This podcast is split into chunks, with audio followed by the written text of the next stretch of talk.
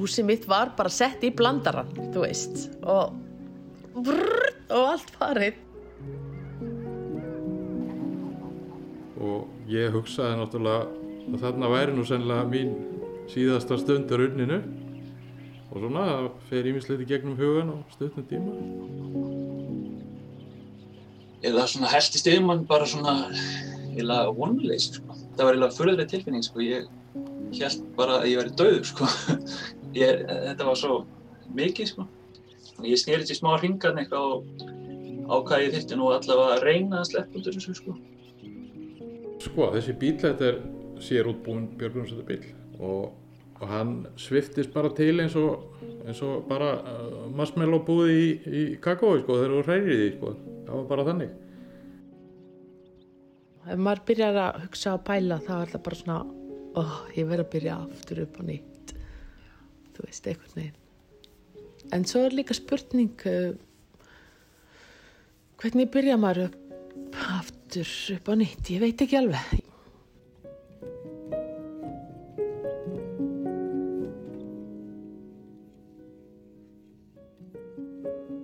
Á meðan sumir seðfyrðingar láta sér ekki bregða eru aðrir kvektir eftir skriðurhinuna í desember.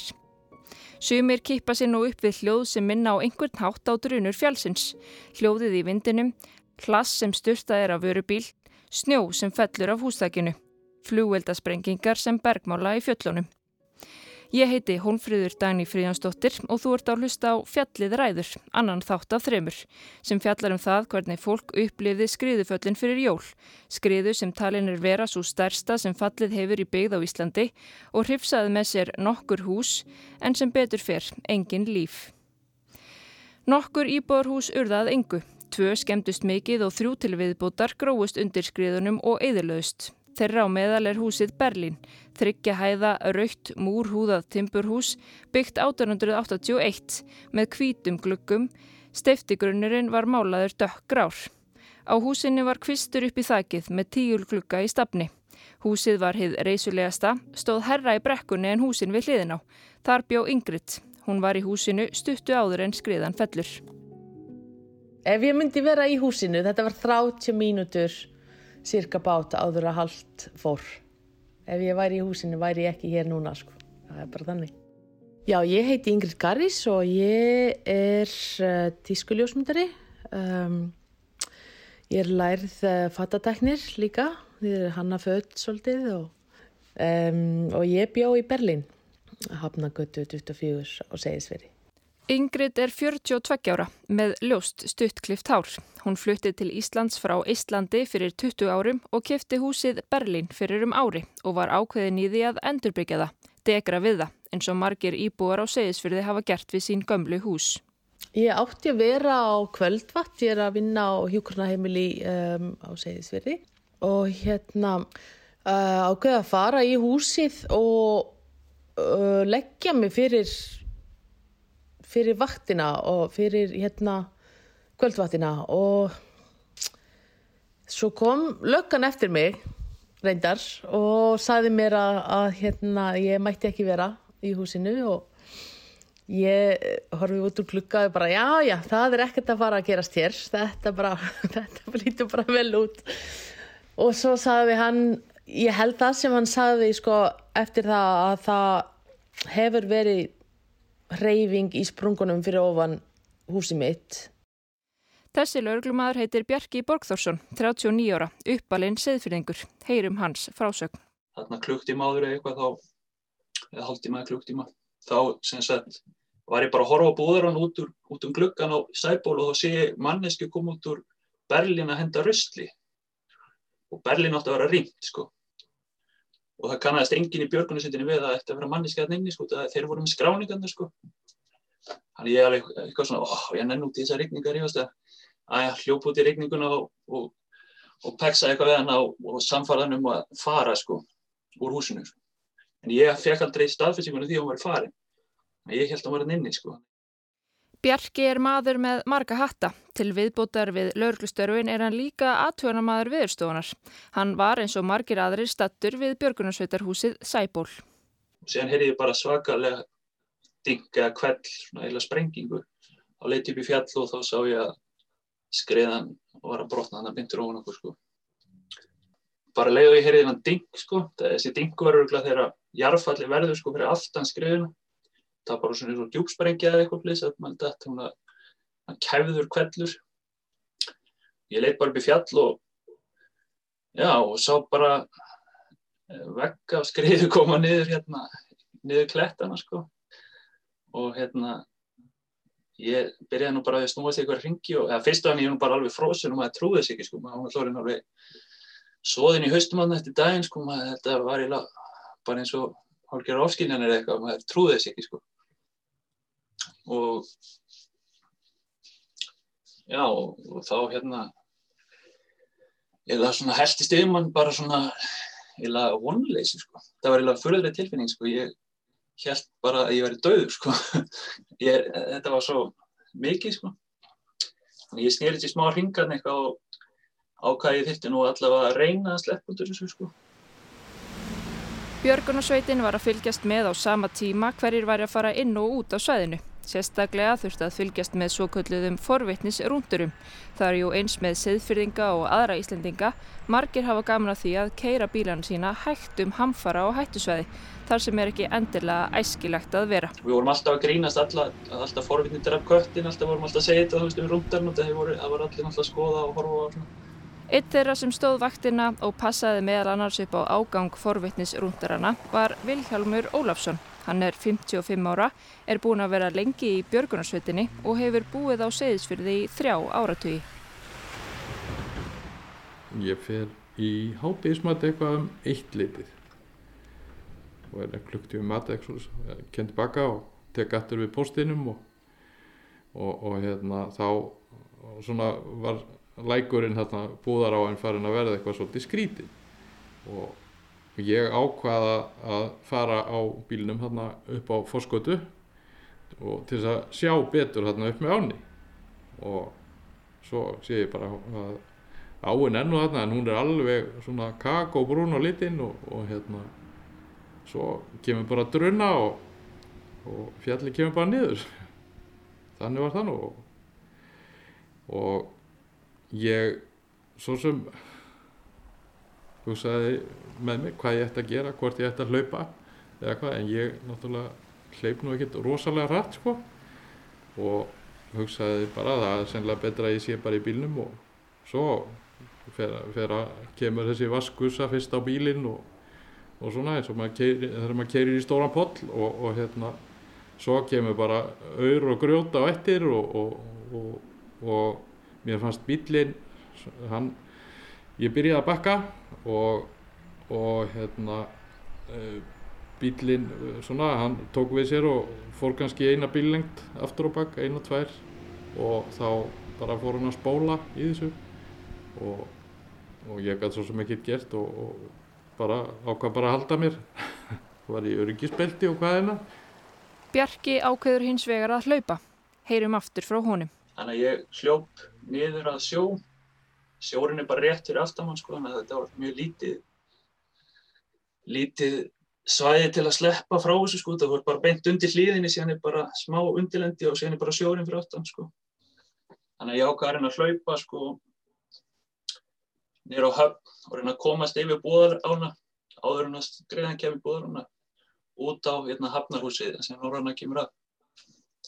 En þegar ég var komið svona 20-30 metra þá lítið til vinstri og þegar ég sný sko baki skriðuna þá er hann að koma all bara, þá er hann ekki búin að splitta sér sko. Þá er hann bara að koma fram að klettunum sko.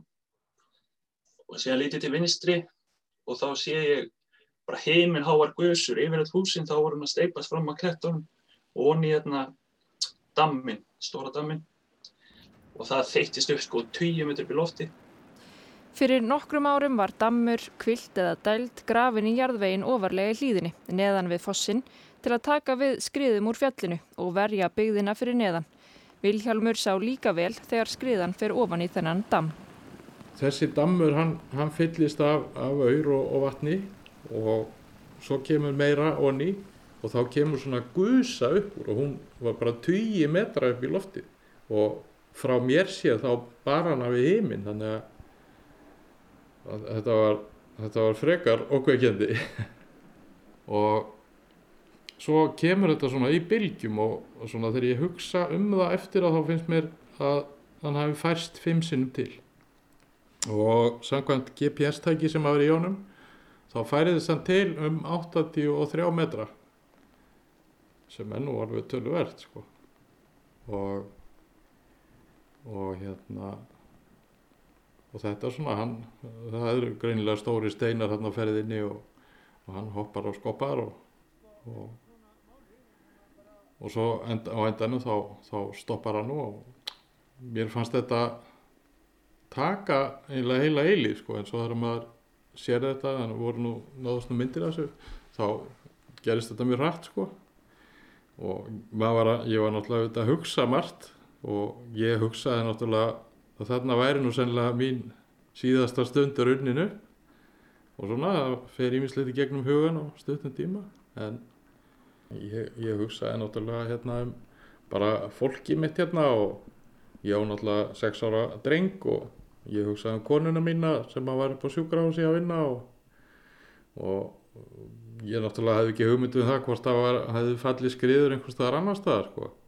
þannig að þetta var nú svona þetta, það voru ekki, það voru ekki hérna góðar hugsanir sem að fóru í gegnum kollin akkurat þarna en auðvitað hugsa maður líka um að bjarga sjálfum sér held ég þegar kemur, kemur að svona þannig að, þannig að og svo hann bara skítrættur. Það er bara þannig. Mm. Mér um, langar að byrja um að lýsa aukutækinu sem þú varst á. Ef var þetta vennilegu bíl, hvernig óskupunum helst hann á hjólunum? Sko, þessi bíl, þetta er sér útbúin björgunarsættu bíl uh, þetta er, hann er að gerðinni Benz Unimog, Mercedes-Benz og hann er hann viktar svona cirka 7 tonn með þessum búnaði sem hann er á, hann er á. Og hann er á, á 49 tómi dekkjum. Og stendur nú, stendur nú svona daldi hátt yfir jörðinni sko. En það var, hann var alveg á, svona upp á hurðir sko í drullu sko þegar hann stoppaði. Og, og hann sviftist bara til eins og, eins og bara uh, marshmallow búið í, í kakói sko þegar þú hræðir því sko. Það var bara þannig. En ég held að, held að það hefði verið mitt happa ég ákvaða hlaup ekki Bjarki vildi komast eins langt frá fjálsliðinni og mögulegt væri. Annar armur skriðunar sem Bjarki var að reyna að flýja fór á ógnar hraða og af miklum krafti. Bjarki segir að skriðan hafa hagað sér miklu meira eins og snjóflóð en örflóð sem fari venjulega hægt og liðist í kringum hluti. Þessi skriða gerði það ekki. Og þá sá ég að þetta var að fara miklu hraðar sko en ég held sko. Ég myndi aldrei ná að hlaupa yfir góðarana þannig ég klifraði upp í eitthvað mastur. Það er ljósamastur sem er hérna við við smábátöfnina og það var stráku sem eldi mig sko. Og hann er svona svolítið fótfúinn sko, hann er með hækju. Og hann ákvaði að elda mig. Og síðan fer ég upp í mastrið og hann komst ekki upp í mastrið sko. Og ég horfið svona niður á hann og mætti á augunum honum og, og hérna hann snýðist bara einhver ringi og hljópi einhver aðra átt sko. Ég bara sorry gallin, ég get ekkert gert þér þig. Og ég bara byrjað að klefra upp sko Bjarki segist hafa náða að klifra alltaf fjóra metra upp í mastrið sem er raukt og þrýhirt eiginlega eins og turn, holtað innan með járnbytum sem auðvelt er að nota sem þrep. Og þá lítið til hægri, sem sagt út eftir og þá sé ég sko, sem sagt þá er skreðan strax komið það niður miklu hraðar ykkur innlega heldur en hinnum eins sko. Og þá var hann að taka sem sagt hús sem heitir Dagsbrún, þá sé ég það fljóta niður sko að sjónum og annað hús sem er þá Hafnagata 26 held ég og séðan Berlín þar fyrir innan var að splundrast bara í, í frumendi sko og, og síðan og ég er náttúrulega alveg gónd á Berlín út af því að ég vissi að það hefur verið það er inni sko stutt áður sem ég var búin að vera að peksa við sko. Berlín er eins og kom fram fyrir þættinum húsiðinar Ingridar. Bjarki fekk aldrei staðfestingu á að Ingrid var í farin úr húsinu en á þessum tímapunkti er hún sofandi. Ekki heima hjá sér sem betur fyrr, heldur hínum eigin í bænum. Hún vildi kvíla sig fyrir kvöldvaktina á sjúkurásinu en Bjarki saði henni að fara að heiman, hálf tíma áður en skriðan fjall. Heyrum aftur frá Ingrid. Það, þá tók ég ákverðina að hérna taka köttin minn og, og bara flýja basically úr húsinu. Og svo fór ég til vind minns og lagði mig, ég man eftir því ég var svo frekar þreytt og vaknaði með læti. Og hérna já þetta var, þetta var hinum megin við bæin frekar. Og það var svo mikið læti og ég vaknaði með það og hérna já það var allt farið. Getur þú líst þig einhvern veginn, þú veist mannst eftir hvað gerist við húsið hennar? Sko þegar ég sé það þá er það bara að liðast í sundur í stóra, þú veist það er framendi, hliðarend, þú veist þetta er svona fjóri flekar, þú veist að brotna niður sko. Ég sé bara gablinn koma í áttina til mín, hann endar síðan á björgulundurúsinu, sem þetta er inngablinn og það er bara svona einhvern veginn að tætast í og veltast í, í hérna skriðinni sko. Þú veist ég sá, já það fór bara í tætlur sko. Mm.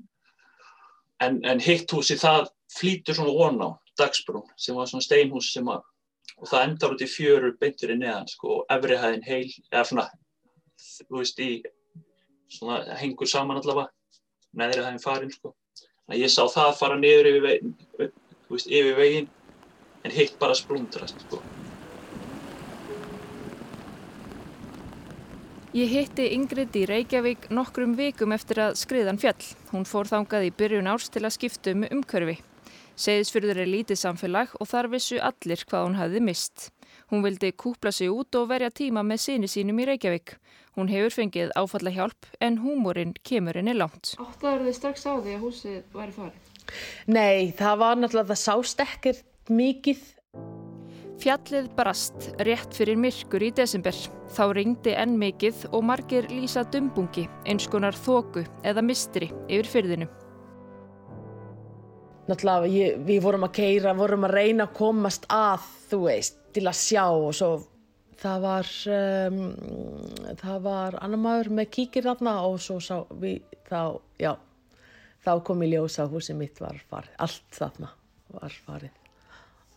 Það eftir það mann ég ekkert, eins og sagði, það, ég man ekki að fólk hefur knúsað mig eða ég var, man ekki hvað ég gerði, eða þú veist, ég, þetta bara algjörlega dætt út þessi dagur hjá mér.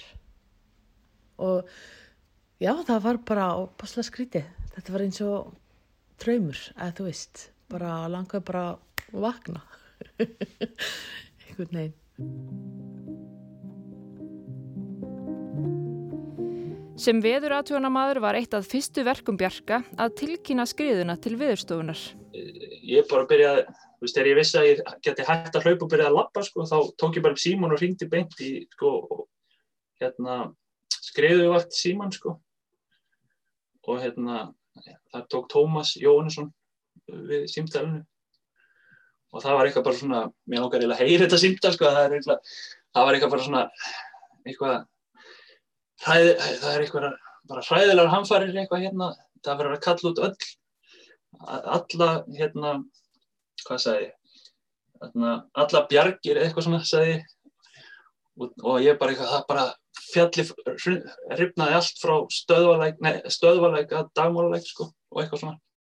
Ég falaðist eftir því að fá upptöku af þessu símtali frá viðurstofunni, hún er til en því miður var ekki hægt að fá hana afhenda fyrir þennan þátt. Reglur viðurstofunar um upptöku á svona símtölum leifa það ekki. Þannig að ég, já, þannig að ég bara segi eitthvað við, hérna, Tómas bara, hann verður að kalla út alla bjargir og eitthvað svona. Og hann bleið eitthvað bara, já, er það ekki verkarhing lauruglunar? Sæði hann eitthvað, ég bara eitthvað, jú, jú, jú, jú, sorry, jú, örugla, já, já, já. En Bjarki er einmitt líka lauruglumadur, en sem betur fer voru fleiri á vakt á svæðinu. Og hann eitthvað lendur í skriðinu, ég bara, já, ég bara hljóp og hljóp og hljóp. Þetta var eitthvað mjög svona, eitthvað skemmtilegt við, samtal, sko. Þegar Bjarki var búin að ganga úr skuggum að fjölskylda hans var í örug, var ekki hægt að slá slöku við. Það þurfti að fara strax í björgunaraðgerðir. Og síðan bara held ég áfram að koma mér út í Hafnarhús bara til þess að ég fór bara beint í að reyna að finna út sko, veist, hérna, hvar hafi verið fólk og eitthvað svona sko. Og þá bjóst ég náttúrulega við því, sko, ég vissi ekki hvað, maður held að bara gati ekki verið annað en að vera fullt af fólki undir þessu sko. Og ég vissi náttúrulega, ég bjóst bara við Ingrid var undir þessu, síðan vissi við að, veist, og síðan hefði verið einhverju rúndarar hérna og svona forundinsrúndarar. Ég var ekki orðin samfærar að Ingrid hafi ekki verið í húsinu fyrir einhvern klukkutíma setna sko. Það var einhvern sem sagði, já, ég held ég að sé hann að lappa þarna og einhver, ég held ég að sé hann að koma til vinnu og eitthvað svona voru alls sögurinn, en ég náði aldrei beint í hana. Þannig að ég var einhvern veginn, alveg 100% viss sko, fyrir örgulega klukktíma setna eitthvað. Og það tók smá tíma að fatta að það hefði engi lett yfir sig sko. En hérna, ég man eftir fyrstu vikuna var ég, ég var að drauma, ég var þarna undir skriðunni. Ég, ég bara, ég vaknaði miðjan nótt og ég var bara döið, eða þú veist, ég var bara þarna undir að berjast fyrir liðið að þetta var bara, þetta var, þetta var svakalett. Þetta var mjög erfitt eh, fyrstu, fyrsta vikan. Ég var, uh, já, alltaf, og, og það var hverju kvöld, þú veist, hverju kvöldi, ég var í dreyma að ég var þarna undir. Og, og, og svo náttúrulega vakna maður og hugsar, þú veist, að já, átján ára strák og, og svo náttúrulega verður maður svo sorgmætt einhvern veginn en samt gleði á sama tíma, það þarf enginn að segja stráknum mínum að ég er döið, basically, þannig að það er um, það er náttúrulega mest sem skiptir máli. Það er bara þannig Vilhjálmur er líka þakklátur að ekki fór verð. Hann lendi jú í skriðinni sjálfri. Og þetta var alveg vitað að það var skriðu hætta en það átti náttúrulega engin von á öllu þessu. Sem betur verð þá, þá hérna, helst nú bílinn á, á hjólunum og, og og uh, þegar um það leiti sem hann er að stoppa og er valla að stoppa þá kemur félagið minn þarna vaðandi í gegnum drulluna og, og hérna, hjálpar mér út. Sá sem hjálpaði Vilhjálmi út úr bílnum heitir Davíð Kristinsson. Ég hitti hann einmitt á segðisfyrðið daginn eftir skriðuna. Þeir eru saman í börgunarsveitinni og voru allt í öllu, dagana, vikurnar og mánuðina eftir. Hann var um 20 metrar frá skriðunni að dæla vatni upp úr kellara eftir fyrri skriður þannig að hún fellur bara þarna við, við hliðin á mér. Mér var nú hugsaðu bubbalæðið þegar fjallið öskrar. Það, það, svona, það er lýsið í opaslega vel. Ég held að ef maður hlustar á það lag og, og, og skilur textan þá, þá var það svo tilfinning sem ég fekk. Og fjallið það öskrar, svo fellur öll líðin og húsinn þau hverfi kófið sé í fjallið öskara á mót okkur. Uh, svo eftir það verður sín mín svolítið einföld vegna þess að þannig sé björgunsættabíl sem er uh, staðsettur lókunarposti uh, rétt fyrir neðan flóð og við gerum ekki reynd fyrir með lendin í flóðinu. Þannig eftir það sé umvel bara únumokkin okkar skoppa um í flóðinu. Þannig fór heilt hús fram hjá mér sem var rétt hjá sem að fóra á staði, ég sá það aldrei. Þannig ég, það var svona mínu upplýðelse á flóðinu er er þessi sín þegar björgunarsættabílinn hreyfist og með mannskap inni. Ég eh, áttam á því að fólk þarf að komast út á bílnum þannig að ég reyna að gera gagn og stekka á stað og næ þarna að komast að bílnum og, og næ að opna hurð og koma mannskap út á bílnum sem var það var eitt af svona mómentu sem maður var ánæður að fá að vera, vera með í. Já, við náðum svo að synda út úr skriðunni og svo bara hlaupið þess að fóru við inn á hættusvæðið og þess að inn á svæðið og, og reyndum að rýma þau hús sem, að, sem voru eftir og kom mannskap út af, út af svæði það var, og það gekk ótrúlega vel. Flestir sem voru á svæðinu eða nálagt því hlupu út á bryggju. Það er það svæði sem er lengst frá hlýðunni og í mestu vari frá skriðunni eða frekari skriðuföllum. Það tók eðlilega tíma fyrir fólk sem var þarna að ná vopnum sínum að nýju og skipuleggja börgunaraðgerðir. Þarna heldum en jú að fólk væri undir skriðunni. Heyrum aftur í bjarga. Það var svona bara hamfara mynd bíómynda kaos sko í gangi á höfninni sko. Það var bara, að mætti bara fólki og bara svona algjört, svona eins og maður var í bara, þetta er oft í hugmyndin sko, fræg, fræg svona mynda, hérna, frétta ljósmyndarna frá World Trade Center er að fólki kemur svona hlaupand út úr reiknum, svona allir drullur og öskrand og grænandi og svona, það var bara þannig ástand sko, inn á höfninni sko. Það var bara allir í einhver svona geðsræringu eitthvað. Já, svona mismikilli, það var náttúrulega margir í geðsræðingu það heldur sko að fólki er að væri undir skriður sko og, og eitthvað bara, það var svona samblanda alls konar svona, þetta var mjög áhugavert að upplifa þetta, þetta var svona eitthvað sem maður hefur bara séð í bíómyndum sko Mm. og fréttaljósmyndum, eða fréttum og svona. Sem betur fer sluppu allir en skriðan tók allt sem yngri dátti. Alega hennar voru fötin sem hún stóð í. Sem betur fer tók hún köttin með sér. Fekk alveg svaka stuðning, uh, þú veist, allstaðar. Uh, Ég þurfti mæta sko uh, á fatabúð á eigilstöðum daginn eftir eða, eða tvo daga setna. Ég mannði ekki til að velja mér föt til dæmis og ég var bara, hvað er ég að gera hérna? Mér fannst þetta var svo skrítið að velja eitthvað föt, þú veist, úr búðinni sem náttúrulega kostar eitthvað. Ég er ekki mikið svona, veist, ég er ekki að að kaupa mér föt ofta sérstaklega mjög dýrt þannig að mér fannst þetta var svo skrítið ég bara, ég gat ekki, ég stóð bara þannig bara, hvað á ég velja mér, þú veist Nokkru eftir að ég hitti Ingrid fór hún aftur á Seyðisfjörð til að kanna hvað var eftir að eigum hennar. Hún er ljósmyndari, útskrifaðast úr ljósmyndaskólanum árið 2013 og áttu því mikið af ljósmyndum og myndböndum á færarlegum hörðum diskum í húsinu. Hún segir að kannski einn tíundi hafi bjargast af því sem var í húsinu. Mest fött en meira segja verkfæri hafi horfið, sennilega út í sjó. uh, ekki mikið, miða við hvað var í húsinu uh, sem er ótrúlega skrýtt þú veist, þetta er bara magnað uh, hvort það fór þá ég er búin að heyra að það fór eitthvað út í sjó og hérna eins og húsið mitt var bara sett í blandaran þú veist og brrr, og allt farið. En ég veit ekki hvað er eftir. Ég er að fara núna og, og hérna flokka og sjá hvað kom upp úr skriðunni. Þannig að ég veit ekki. Ég veit að mótuhjóli mitt kom upp úr og bílinn sem er alltaf allt í klessu alveg, en já þetta verður eitthvað, þetta verður skrítið að sjá, ég er að svolítið, ég er svolítið sapna og ég er að sapna sko listaverk kannski eftir listamönnum sem eru ekki það frægir eða eru bara að byrja eitthvað svo leist á kaupi kannski eitthvað svona frá þeim sem er einstök. Og, og hérna og líka náttúrulega antik mikið svona sérstökum uh, mublum ekki, já er, sem er ekki bara hverstak, sem er ekki allstaðar þú veist, ég er ekki ég er ekki mikið fyrir IKEA segjum það.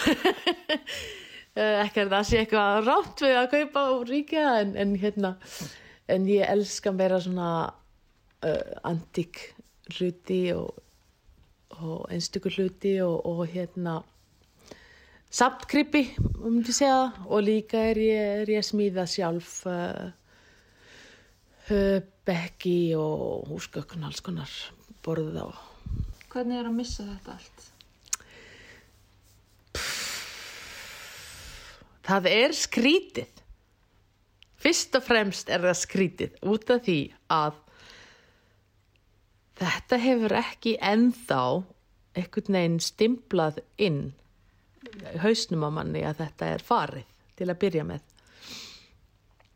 Og svo er það bara þrend sem það er já það er sorglegt. Það er hérna það er, þá er ég reið líka. En svo er léttir. Ég skil það ekki. Þú veist, að kannski bara úf, ég er losnað við allt sem ég þurfti gera öll verkefni og allt skiliru þannig að en, en já, þess vegna er þetta svo skrítið að ég veit ekki hvernig mér líður. Ég bara veit ekki.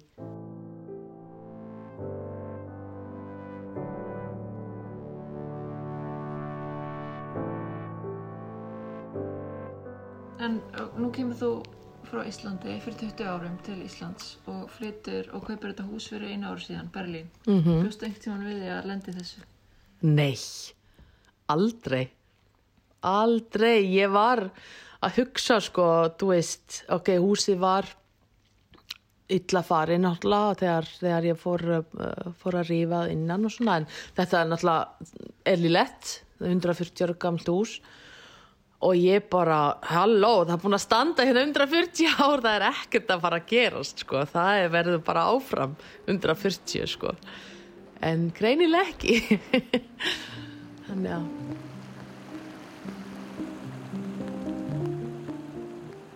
ég bara, eins og segi, stundum ég hef vaknað alveg grátandi. Ég, þú veist, eða bara byrja, maður byrja að hugsa, sko. Þetta er ekki hluti, sko sem ég er búin að kaupa bara síðustu ár til dæmis. Þetta eru hluti sem ég er búin að sapna síðustu 20 ár, basically, þú veist, síðan ég flutti hinga. Og, og meiri segja sko einhverju hluti sem ég tók með frá Íslandi og hérna þannig að þetta er ekki bara ó, ég ætla að fara að kaupa mér bara allt nýtt og ó, það er ekki alveg þannig þannig að ég, ég veit þetta, er alveg, þetta eru hluti og allt það en, en, og ég er á lífi. Og það þarf enginn að segja stráknum mínum að mamma er veist. Og hérna uh, þannig að það er allt í góðu. En já, ef maður byrjar að hugsa og pæla þá er það bara svona oh, ég verð að byrja aftur upp á nýtt. Þú veist, eitthvað neginn en svo er líka spurning uh, hvernig byrja maður upp aftur upp á nýtt, ég veit ekki alveg ég er ekki búin að taka ákverðun í því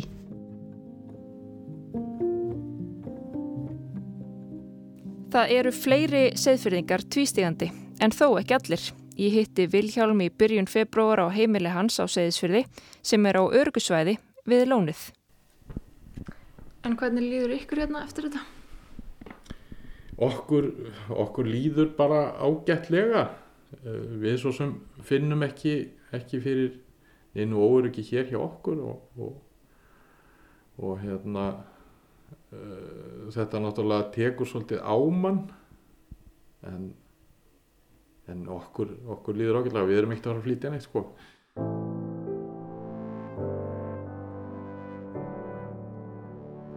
Þið eruð að hlusta á fjallið ræður en hafa fjöllin í raun og veru völdin.